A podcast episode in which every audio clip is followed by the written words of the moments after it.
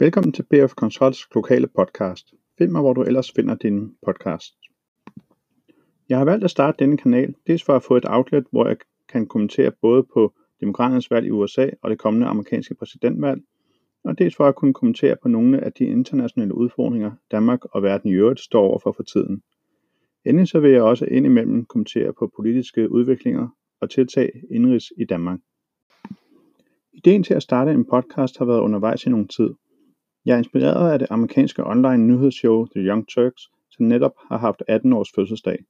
De startede, fordi de mente, at der manglede nogle mere menneskelige og mindre politisk korrekte kommentarer til de politiske udviklinger.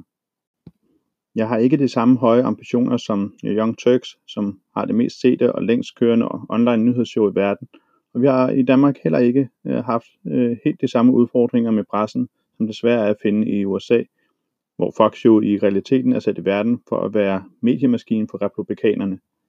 Der er vores DR og TV2 langt mere neutrale og kritiske til begge sider. Heldigvis. Jeg har altså lavet mig inspirere lidt af Young Turks til at starte min egen politisk orienteret podcast, hvor jeg vil forsøge at fremlægge facts, som jeg kender dem, og give mine holdninger til kende. Skulle du være interesseret i at følge amerikansk politik tættere, end jeg kommer til at gøre det her, så kan du finde et affiliate link i beskrivelsesboksen til denne episode. Så hvis du ligesom jeg er interesseret i dansk politik, udenrigspolitik og amerikansk politik, så lyt med. Giv mig gerne 5 stjerner, det er gratis for dig, og det hjælper mig med at nå ud til flere lyttere.